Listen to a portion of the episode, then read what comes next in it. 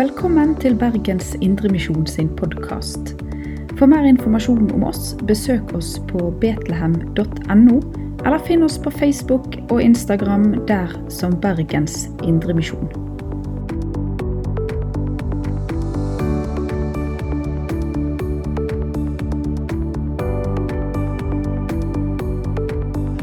Ja. Det er fint å være her se så mye kjente ansikt. Og så er det veldig fint å se ansikt som jeg ikke kjenner. Det syns jeg nesten er finere, faktisk. Det var, litt, det var ikke fint sagt. Men, men det er litt kjekt at det, det ikke er bare samme folka. At det skjer fornyelse. Det syns jeg er bra. Ok, eh, Som jeg sa, da, eh, snakket med Kristian var, det forrige helg. Hvis jeg skal komme hit, så må jeg bare få lov til å ta noe som jeg jobba med. Og Det er godkjent av han, da, så, så bare legger vi den død. Salme 34 skal jeg si litt om. og Kortutgava ligger i appen for en som tenker at ja, jeg kanskje kan høre på det. Eh, men det er en av de tingene som jeg har jobba med i år.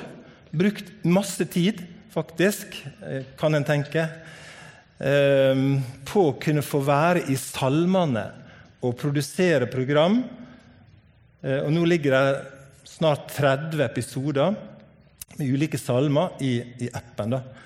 Det er kommet ut en ny hver uke, og det kommer en ny i morgen. Så kommer det en ny andre eh, påskedag, og så kommer den siste ut i april. da. Og Det var veldig fint for meg å kunne få lov til å være i salmene. Jeg har hørt mye om salmene, jeg har lest en del i salmene, men jeg har aldri fått brukt så mye tid i salmene og oppdaga så mange nye ting for min egen del. Det var rett og slett forfriskende for mitt åndelige liv å kunne få se nye ting i salmene. Å se nye sammenhenger, få være i salmer som jeg ikke har vært i før. Og noe av det veldig flotte har vært å kunne få grave litt i, i sammenhengen Kanskje spesielt to ting. Sammenhengen mellom eh, forhistoria til en sang eller en salme, for det finner vi en del plasser. Men ikke minst det å også se eh, alle de henvisningene til Det nye testamentet som du finner i salmene. Det er noen salmer som har veldig mange henvisninger til Det nye testamentet. Der Jesus refererer til salmene, der Paulus refererer, der Peter refererer, der Hebreabrevet Det bare hagler av, av eh, på en måte sitat eh, og henvisninger til salmene. Er ene. Og så er det dette her med historiene bak en salme. Og Den salmen som jeg skal dele med dere i dag, det er salme 34. og Der har vi historier bak salmen. Og Det syns jeg er spennende og fint. Hvorfor skriver David denne salmen? Jo, han har en historie bak det. og Vi skal gå litt inn i det. og Jeg leser bare første verset nå som sånn innledning. Først av alt så ber jeg bønn, Herre, om at du kan komme og ta oss inn i dette rommet og favne oss med ditt ord, dine tanker. At det kan skape noe i tanken vår, i trua vår, som kan få bety noe for livet vårt. Vi ber om det i ditt gode navn. Amen. Første vers i Salme 34. Av David, da han bar seg som galen hos Abimelek, så han ble jaga bort og gikk sin veg. Merkelig innledning. Dette er altså en salme som er skrevet av David da han bar seg, han oppførte seg som galen, står det, hos Abimelek, så han ble jaga og gikk sin vei. Og Det er da jeg synes det er spennende å spørre hva, hva, hva kan vi vente oss av innhold i en sånn salme? Hva er det som møter oss når vi skal lese denne salmen? For det er en veldig spesiell historie som ligger til grunn for denne salmen. Det er nesten sånn at Jeg undrer meg over at den historien har blitt stående på trykk. Fordi den, den taler liksom ikke til Davids fordel. Men den er blitt stående på trykk. En veldig spesiell historie. Og Samtidig så syns jeg det er fint at hun står her, fordi at den, den møter noe i mitt liv. Det er en historie om skuespill, f.eks. Det å spille noe annet enn den er. Den er det er en historie om det å ta på seg en maske, som vi noen ganger kan gjøre. Det er en historie om skam, egentlig. Som er noe som vi kan ha kjennskap til i våre egne liv. Og det er en historie om galskap. Det, det, det, det er litt sånn surrealistisk historie som er foranledninga til det. Og Bakgrunnsstoffet det finner vi i 1. Samuels bok, kapittel 21. Der kan du lese den historien, både den nære konteksten og den litt mer utvida eh, konteksten. Og det er nesten som det er henta fra et teaterscene.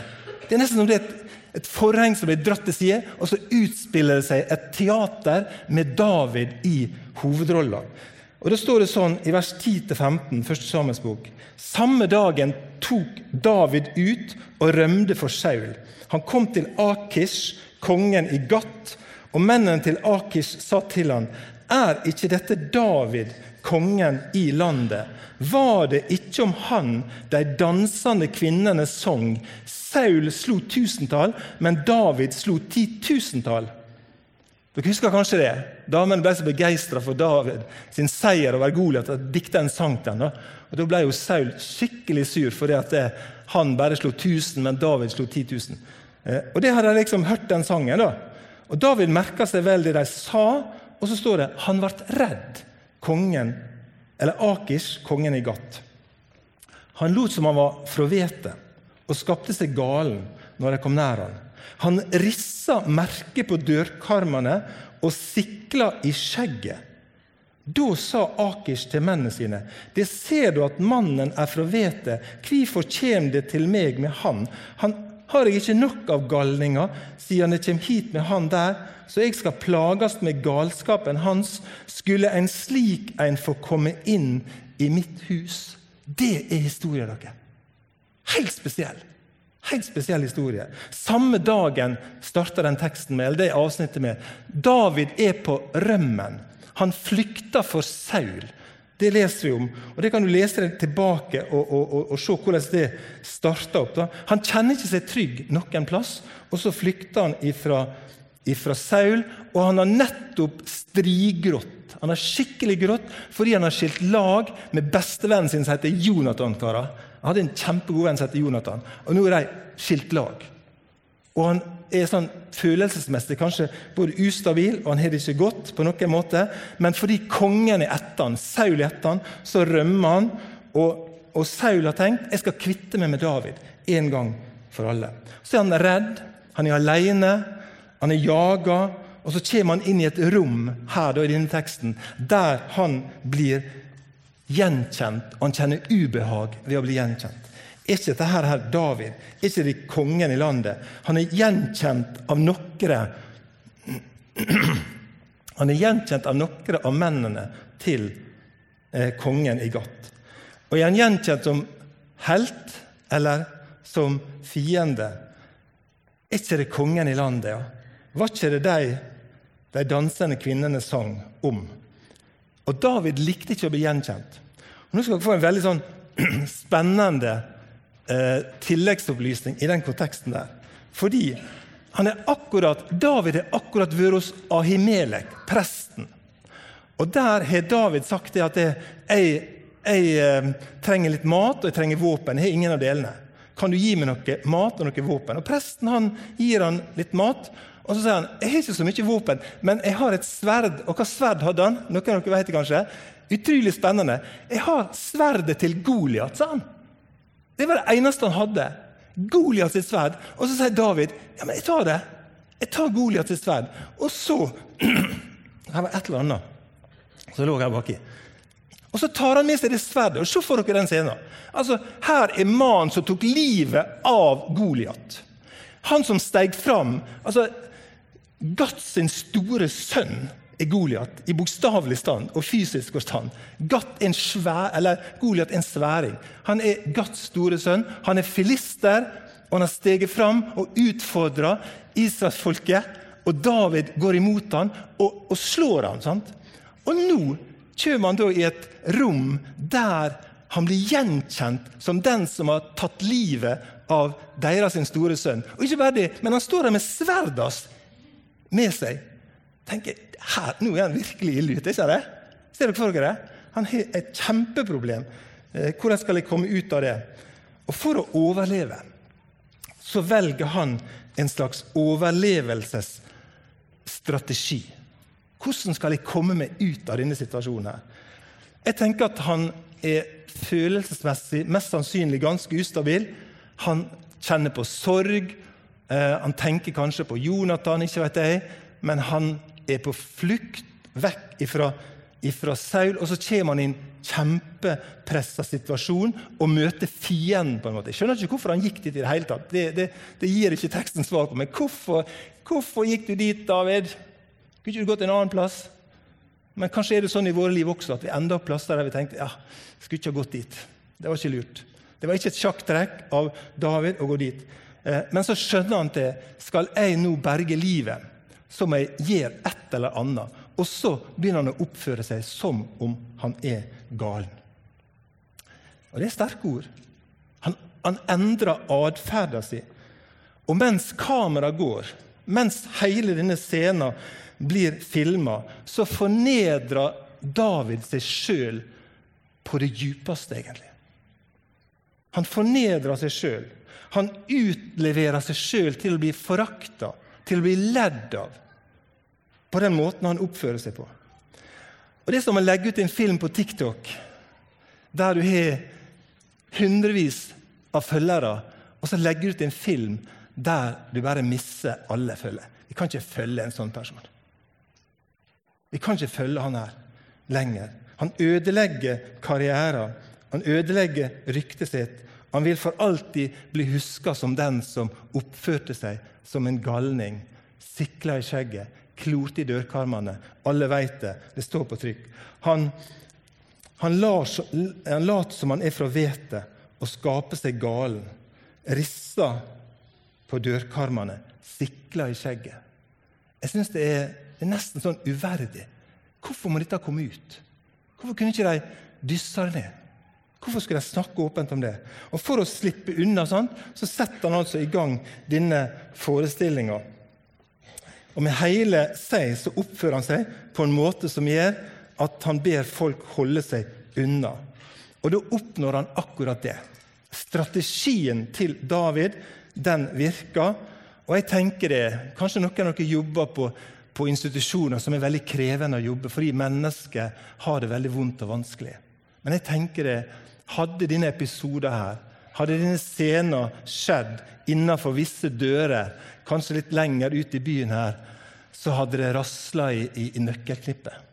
Alarmen hadde gått. Eh, Ekstravakt hadde blitt tilkalt.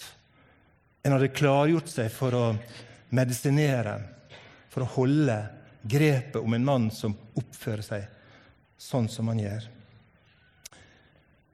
Hvorfor kommer dere til meg, sier kongen. Hvorfor kommer dere til meg med han? Skulle en slik en få komme inn i mitt hus? David blir avvist.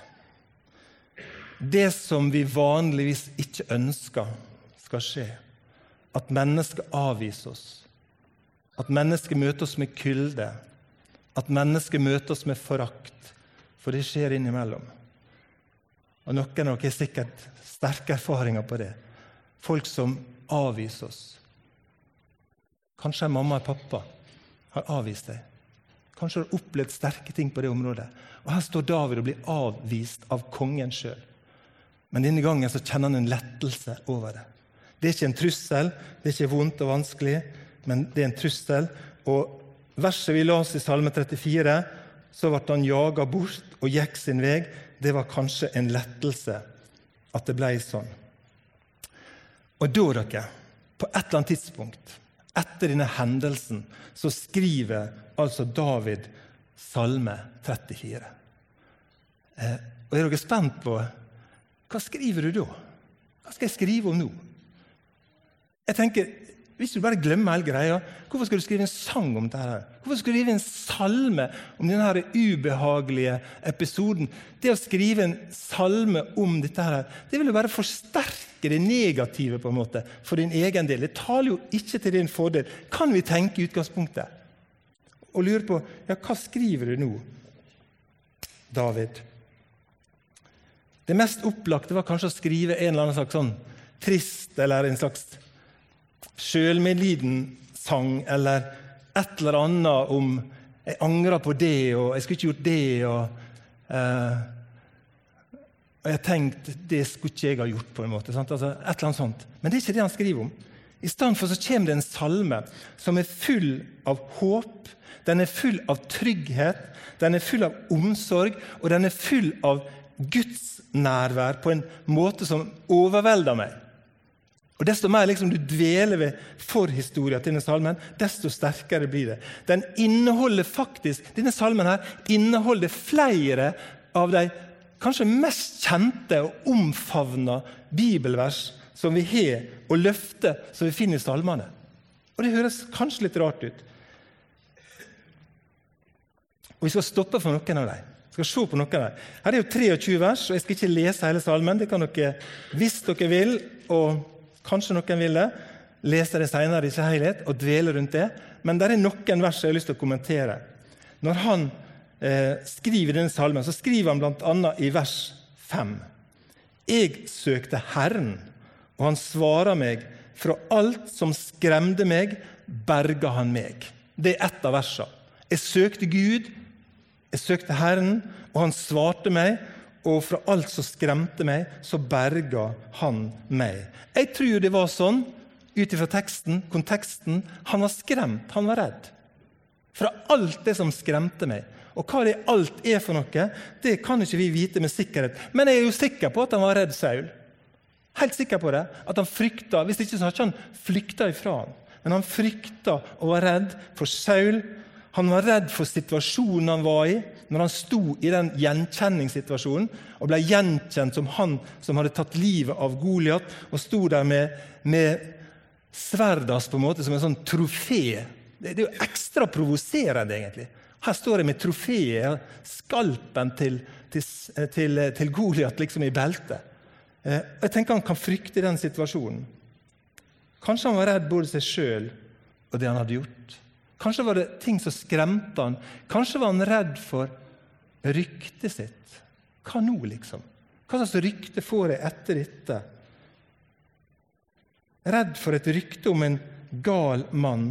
Alt som skremte meg, skriver han i vers 5. Det berga han meg fra. Det er vitnesbyrdet. Det er hans oppleving. Og I vers 7 så skriver han den hjelpeløse roper, og Herren hørte. Han frelste han fra alle trengsler. Han er redd, han er hjelpeløs, han er rådvill. Og så opplever han at han kan rope til Gud i situasjonen, og så blir han berga. Ropa blir hørt. Og I vers 8 så kommer et vers som du kanskje kjenner bedre. da. Herrens engel slår leir rundt deg som ottast han. Han frier dem ut. Og Hvis vi tenker oss at Herrens engel slår leir rundt de som ottast han, og han frir dem ut, så, så, tenker jeg helt konkret ja, kanskje det var sånn David opplevde det.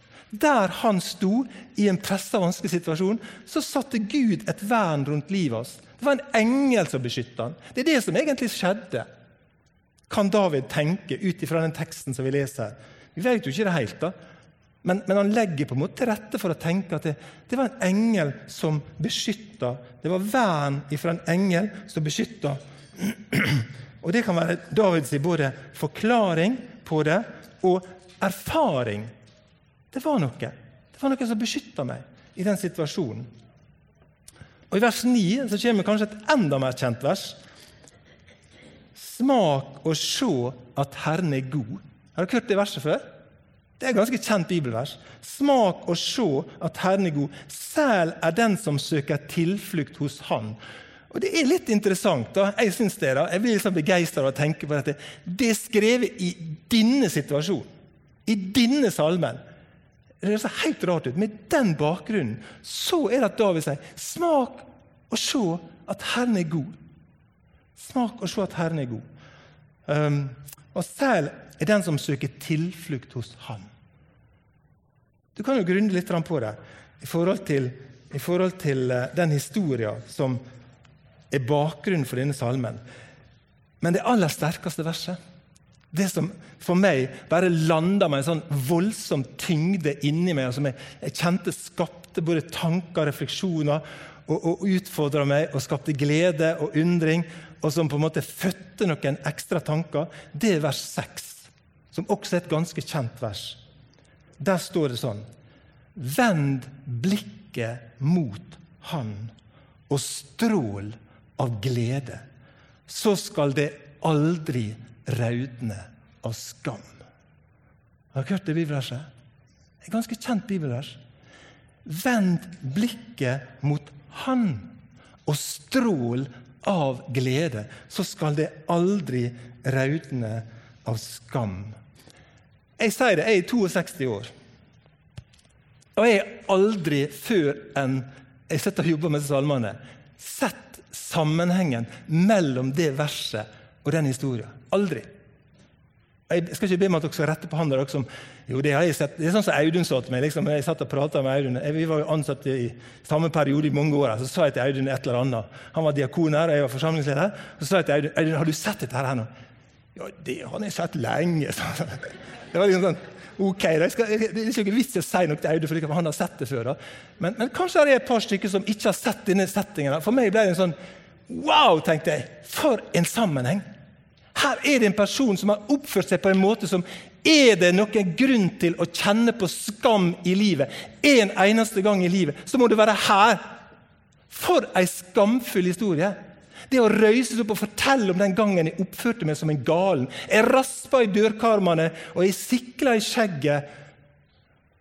Jeg utleverte meg sjøl til fornedring, til latter. Jeg tenker, Er det en plass David egentlig skulle ha unngått og, og nær sagt sitert ifra, så måtte det være denne greia her, den aktiviteten som han satte i gang. Og Jeg tror han må ha kjent, jeg kan ikke skjønne noe annet eh, enn at han måtte ha kjent på en skam etter det. For jeg kjenner meg skamfull. Tror ikke dere det? Tenk å oppføre seg på denne måten her. Og Det å møte igjen folk etter du har gjort noe veldig sånn skamfullt, det, det, å se folk i øynene da, er krevende. Krevende. Det å ha gjort noen veldig dumme ting, og så møter du igjen Er ikke dette der han som Jo, det er han. Det er han som, det er han som sikler i skjegget. Det er han som rasper i dørkarmene. Ah, der går han. Sant? Så tisker de, og så snakker de. Og, så. og Det å møte igjen mennesker i en sånn situasjon Du vil helst unngå dem. Er ikke det han som møtte ti, eller slo 10 000? Nei, det er ikke han som slo 10 000. Det er han som stikler i skjegget. Sant? Og Så kjenner han på skamma. Og Samtidig så velger jeg å tro at når David skriver dette verset her i denne salmen, så velger jeg å tro at, at han har erfart noe med Gud i denne situasjonen. Som har løfta han inn i, nær sagt, i, en, den tredje himmel, som Paulus skriver om eh, en annen plass. Det har skjedd noe.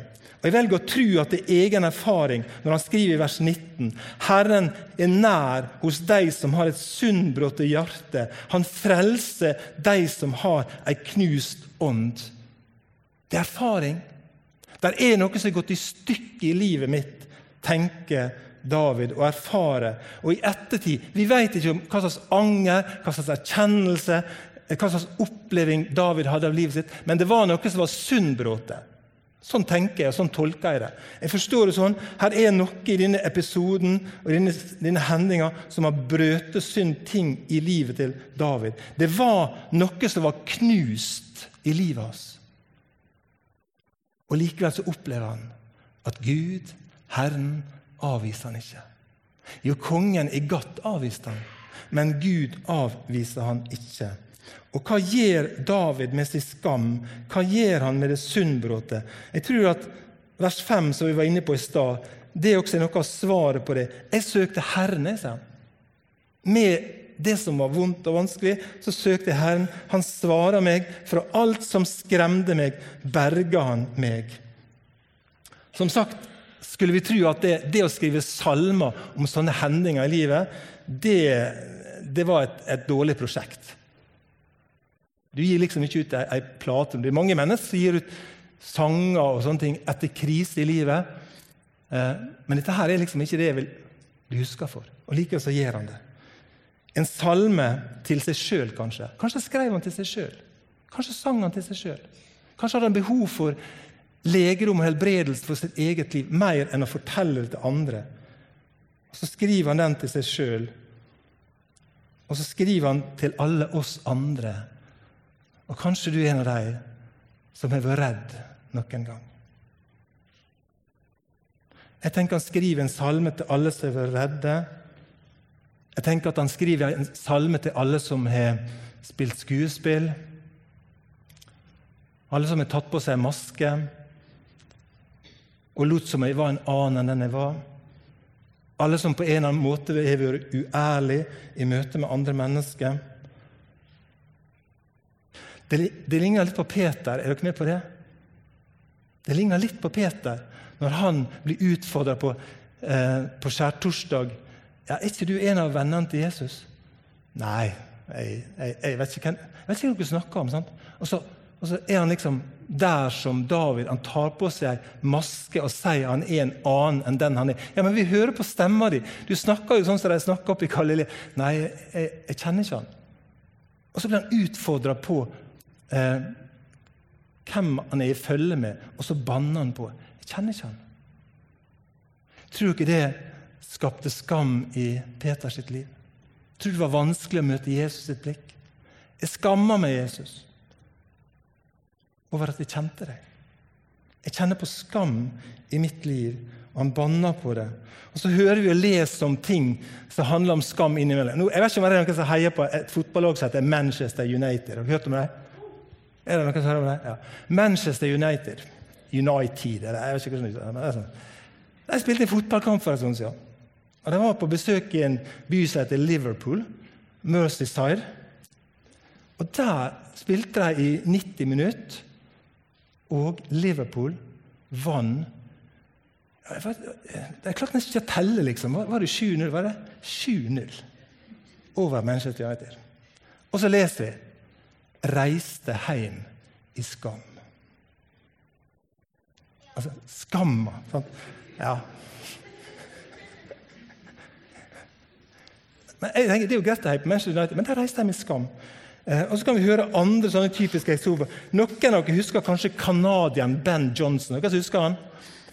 Eh, noen husker kanskje han. Canadieren Ben Johnson i finalen på 100 meter eh, i friidretts-OL i Seoul i Sør-Korea i 1988. Han utfordra suverene kong Carl Lewis på 100 meter. Og Ben Johnson han slo Carl Lewis i den finalen og fikk olympisk gullmedalje. Så gikk det to dager. Så kom avsløringa. Han hadde dopa seg. Og det var svære oppskrifter. 'Reise hjem i skam'. Kjente på skamma. Der er han. Der er jukseren. sant? Der er han som sikler i skjegget. Der er han som rasper i dørkarmene. Så La oss si en historie i Dagen, den kristne dagsavisa Dagen, som de fleste av dere her har, og, og, resten burde hatt den, eller kunne hatt den. Eller i alle fall eh, digitalt, kanskje, i helga, og følge med på. Eh, og hjelpe tankene våre til å tenke kristelig. Er det noe vi trenger i vår tid? Kjære folk, vi trenger å tenke kristelig!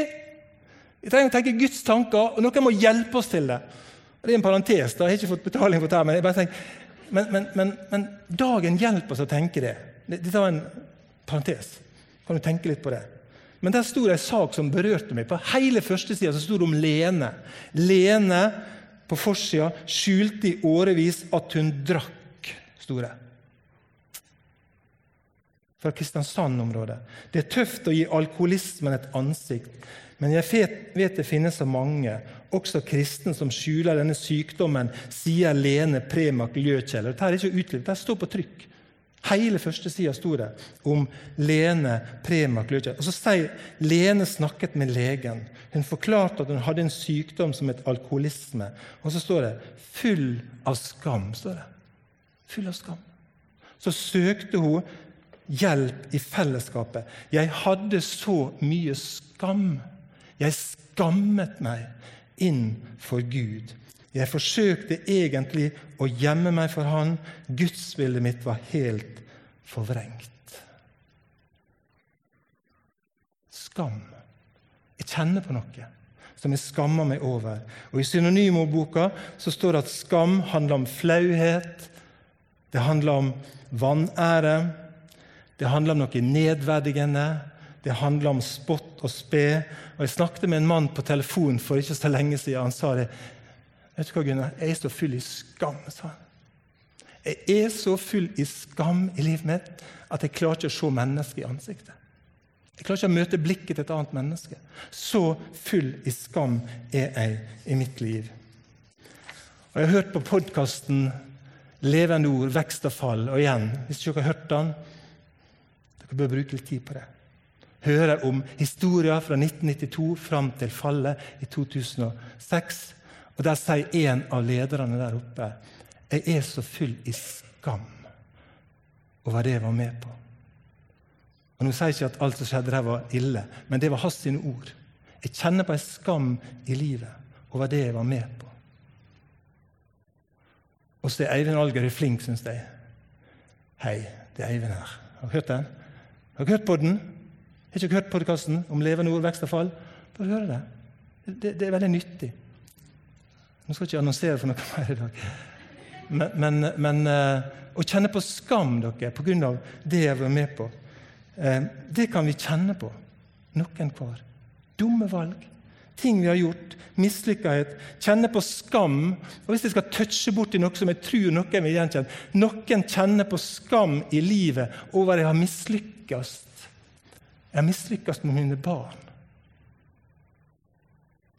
Jeg kan kjenne på skam fordi de har gjort andre valg enn jeg ønska de skulle gjøre. Jeg kjenner på et nederlag, jeg kjenner på noe nedverdigende. Jeg kjenner på skamma i mitt liv. Noen sier jeg skammer meg fordi jeg er uføretrygda. Det er noe skamfullt over det. Jeg kan ikke møte andre mennesker og fortelle det at helsa mi ikke er bra. Jeg bærer på en skam i livet. Ikke fordi jeg har synda mot Jesus, men fordi jeg opplever at livet mitt eh, har mislykkes på en måte. Og Derfor bærer jeg på en skam i livet mitt. Vi kan bære på skam for så mange ting. Eh, fordi familien vår er annerledes. Jeg har kjent på det i mitt liv. Jeg hadde en storebror som jeg skamma meg over. Han var så rar. Jeg vet han hadde det vanskelig i dag. Men jeg var hans lillebror, så hadde jeg ikke en storebror som skulle ha en storebror. Men jeg hadde en jeg skamma meg over. Jeg vet at han hadde svære psykiske utfordringer. Jeg vet at han var diagnostisert. Manisk depressiv eller schizofren. Eller. Jeg kjente en skam. Dette er min bror. Ah, det var vanskelig. Flauhet. Hør, folkens. Salme 34. Den gir håp til alle mennesker som har gjort ukloke valg. Det er en salme der du som kjenner på skam, enten over handlinger du har gjort i fortid, eller kjenner på skam for den du er Du har vært i situasjoner du har unndratt deg. Du har drevet med skuespill. Du har gjort et eller annet som du kjenner på. Det kan være forsterkende årsaker til det, det kan være formildende årsaker til det, og det kan være forklarende årsaker til det. Men vi har sikkert alle mer og mindre episoder som jeg ikke ønsker skal gå på beduskanalen. Jeg vil ikke jeg skal se det. Det har blitt for skamfullt. Og du blir invitert denne formiddagen her av David, av Gud sjøl, til å vende blikket bort fra deg sjøl. Det er det det handler om. Å vende blikket mot Han og søke inn i Hans ansikt. Det mest nådefulle og barmhjertige ansikt du kan tenke deg. Du kan vende blikket mot Han, se opp til Han og stråle av glede aldri rødme av skam. For det du møter der, det er nåde. Det er tilgivelse. Det er vennlighet. Det er håp. Og du skal aldri rødme av skam. Hvorfor skal ikke du det? Jo, fordi all skam ble lagt på Han. Det er det påske handler om. All skam, all skyld, all synd, all skam ble lagt på ham. Samme hva navn det er. Og Derfor er det som, som Luther sier en plass, det er som om Jesus sier Far, det er jeg som har gjort det. Og Jeg har sagt det før i Betlehem, jeg er overbevist om det. Men jeg har ikke sagt det jeg sier nå. Det er som om Jesus sier det er jeg som rasper på dørkarmene når jeg var i møte med kongen i Akers. Det er som om Jesus sier det er jeg som sikler i skjegget. Det er jeg som oppførte meg som galen. Så djupt tar Jesus på seg all verdens synd og skyld og skam. Det er jeg som er alkoholikeren Lene. Det er jeg som er Manchester United, om du vil. Det er jeg, det er jeg som bærer skamma for den pornografien som du eventuelt klikker inn på. Jesus sier, 'Det er som har gjort det.' Jeg tar det på meg. Så sier Herren det. Da må jeg knuse deg. Og det gjør han.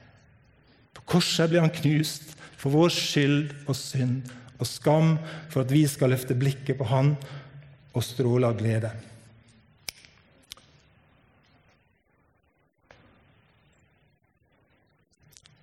I 249 i sangboken så står det en sang av dansken Christian Richard, 'Du som freden meg forkynner'.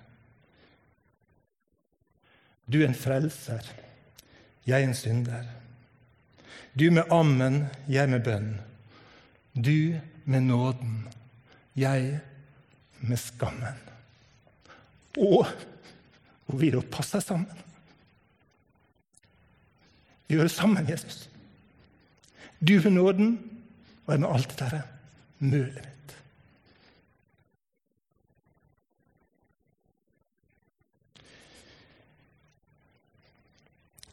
En liten ting til slutt. Det er noe som kongen tenker. Det er noe som kongen sier i det møtet med, med David, som jeg la merke til. Kongen i Gat sa når det sto på som verst, da ser han på David med forakt i blikket, og så sier han Skulle en sånn få komme inn i mitt hus? Jeg syns det er naturlig at kongen tenker det. For han sier jo jeg har, jeg har så mange galninger fra før av. Jeg, jeg, har ikke plass til flere. Og vi kan tenke det samme. Er det plass for meg? Har du rom for meg? Mitt liv? Er det plass for han? Er det plass for hun? Gud har sikkert ikke plass for meg, kan vi kanskje tenke. Jeg har gjort for mange episoder i livet som er skamfulle. Jeg har gjort for mange dumme valg. Jeg er for lik David der han står og stikler i skjegget. Og Da er det så flott for meg å kunne si heldigvis så kjenner David en annen konge.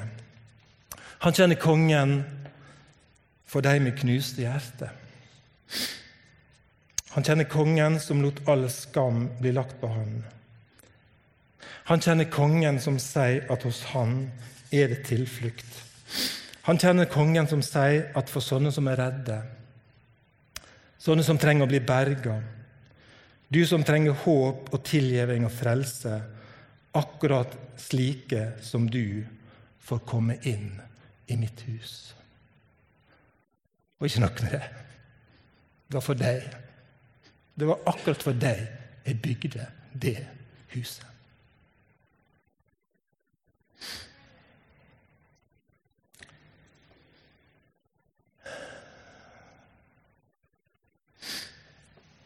Jesus, takk for